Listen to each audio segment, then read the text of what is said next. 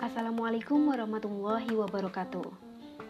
Menindaklanjuti surat edaran Rektor IAIN Kediri yang sudah dikeluarkan pada tanggal 26 Maret, di mana surat ini menjelaskan bahwa pelaksanaan pendidikan harus menggunakan sistem online dan dilakukan sampai dengan akhir semester. Tentu ini bukan berita bahagia buat kita semuanya, bagi kalian mahasiswa, bagi kami para dosen ini juga bukan sebuah hal yang indah begitu ya. Tetapi mau tidak mau kita harus berupaya supaya proses pembelajaran, transfer knowledge, transfer ilmu juga tetap harus berjalan sebagaimana mestinya. Dan kita akan tetap terus mencari jalan keluar yang terbaik sehingga mahasiswa tentunya juga dapat menyerap ilmu dan juga membagikan keilmuannya dengan baik. Dan berdasarkan dari surat edaran ini, maka saya akan merombak beberapa tugas-tugas yang sudah saya berikan sebelumnya, yang sudah kita sepakati bersama di awal perkuliahan.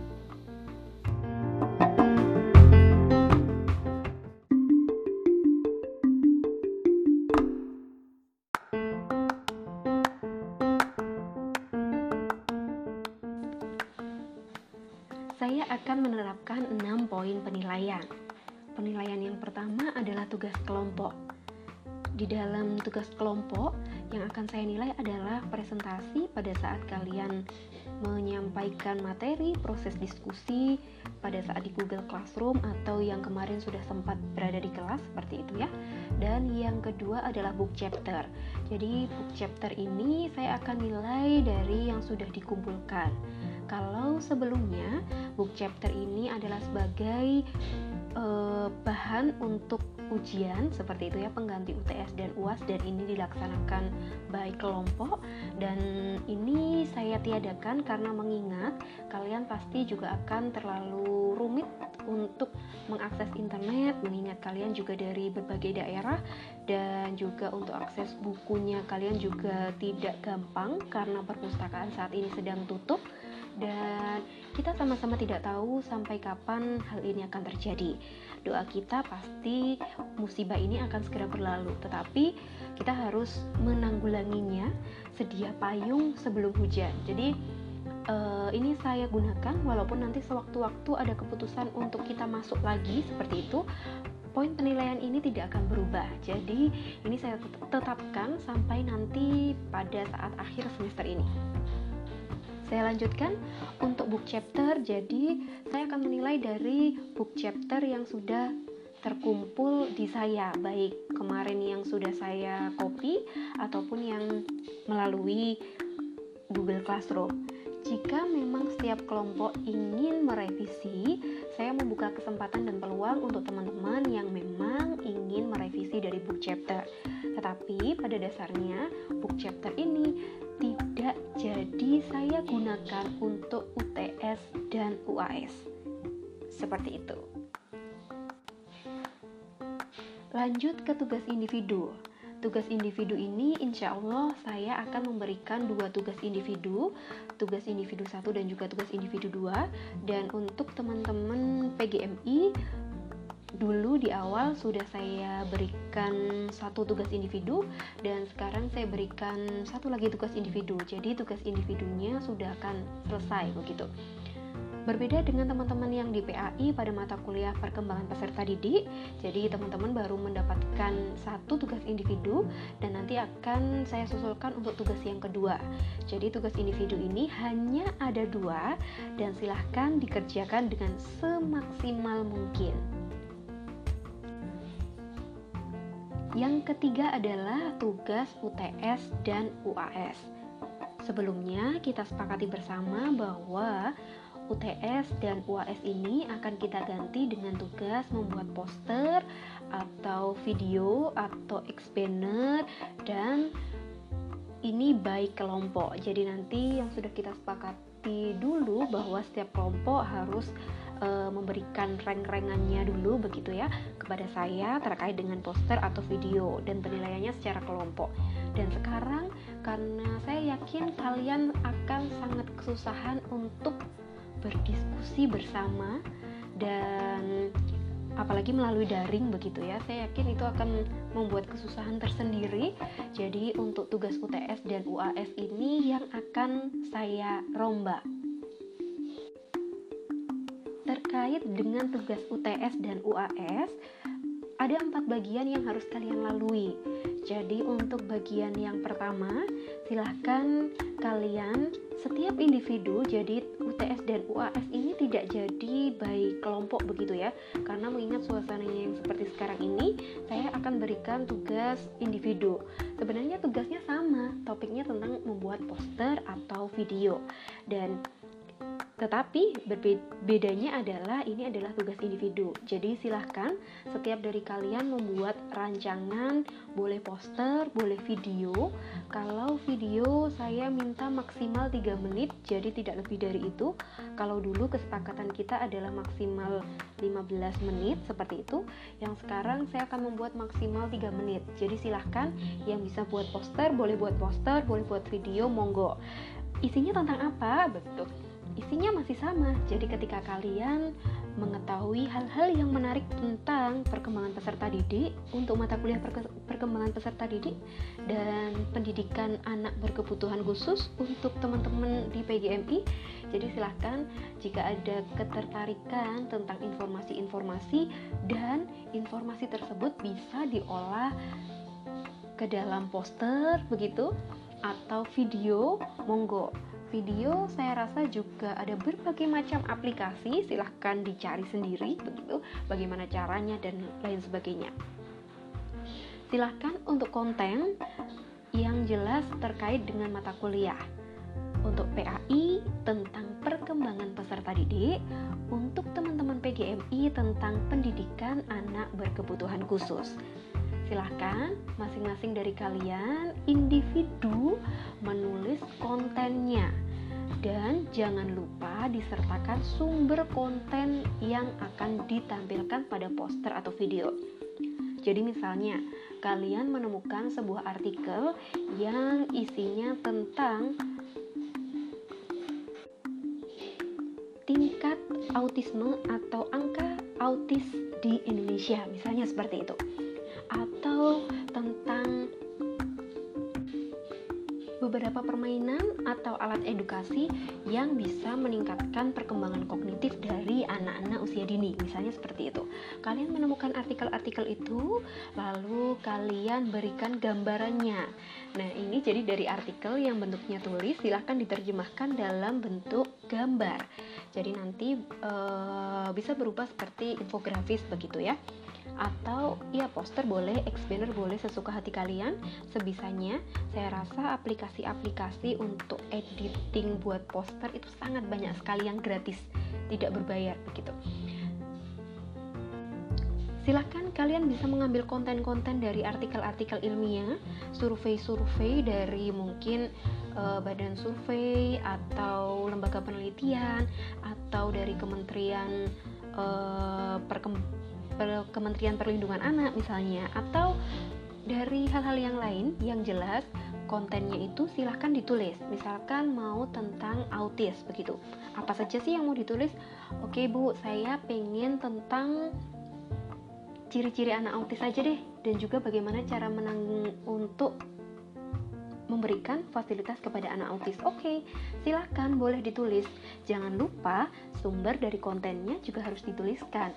Dari mana kalian mendapatkan informasi tersebut? Karena meskipun ini hanya poster atau video, isi dari poster atau video ini juga harus sesuatu hal yang bisa dipertanggungjawabkan oleh kita semuanya. Silahkan ditulis pengennya nulis apa, lalu sumbernya dari mana, begitu.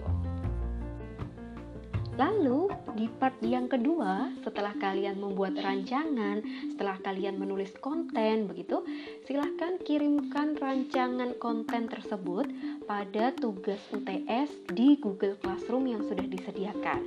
Jadi nanti saya akan bikin penugasan sendiri untuk UTS dan nanti di situ akan ada deadline waktunya kapan harus mengumpulkan. Tenang saja, bagi teman-teman yang ada kendala tidak mempunyai laptop di rumah, silahkan rancangannya boleh ditulis tangan, difoto, tapi fotonya jangan sampai ngeblur ya nanti saya nggak bisa baca kalau ngeblur. Silahkan ditulis tangan yang rapi lalu difoto dan dikirimkan ke Google Classroom. Jadi tidak harus diketik tetapi boleh ditulis tangan. Difoto asalkan fotonya itu jelas dan tidak buram begitu.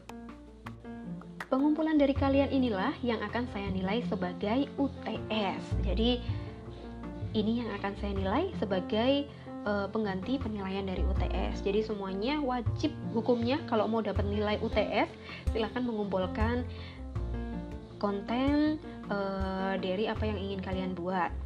Selanjutnya di part yang ketiga saya akan memberikan feedback kepada kalian semuanya. Jadi setelah nanti konten dikirimkan ke saya, dikumpulkan semuanya, saya akan memberikan feedback ke kalian uh, masukan, saran, penambahan apa dan lain sebagainya, silahkan kalian membuat poster atau video berdasarkan masukan, saran dari saya dan juga mungkin dari teman-teman yang lainnya. Mungkin ada tambahan dari teman-teman, begitu ya. Besar harapan saya, poster yang kalian buat ini benar-benar orisinil. Jadi tidak nyontoh jiplak karya orang lain. Kalaupun memang harus ada fotonya, saya mengharapkan foto tersebut bukan foto yang diambil di copy paste dari internet. Jadi silahkan membuat foto sendiri. Kalau memang tidak bisa, ya mungkin fotonya harus diminimalisir dengan efek-efek grafis yang lain. Kalau untuk pembuatan poster, kalian bisa download aplikasi Canva di HP kalian. Kalian bisa membuat poster di situ. Dan Canva ini gratis, tidak berbayar. Tapi harus ada kuotanya. Tapi juga tidak tidak memakan banyak kuota juga sih kalau untuk Canva. Silahkan kalian bisa memanfaatkan aplikasi Canva. Untuk video juga sama, ada banyak aplikasi editing video yang mulai dari Instashoot atau hal-hal yang lainnya boleh Videonya juga boleh hanya menampilkan wajah kalian. Ibu, saya pede nih untuk menampilkan diri saya sendiri. Silahkan. Kalau tidak pede menampilkan diri sendiri, mau pakai bantuan uh, media yang lain, uh, sorry, aplikasi yang lain maksud saya. Jadi aplikasi yang gambar grafis yang lain, silahkan. Kalian hanya meng yang muncul hanya suaranya aja, seperti saya ini. Atau saya nggak pede keduanya bu tapi saya cukup pintar untuk mendesain nih. Saya pengen buat video yang bla bla bla. Oke silahkan. Jadi nggak perlu ada suaranya hanya nyanyian ada kata-kata ada gambar bergerak begitu. Boleh silahkan.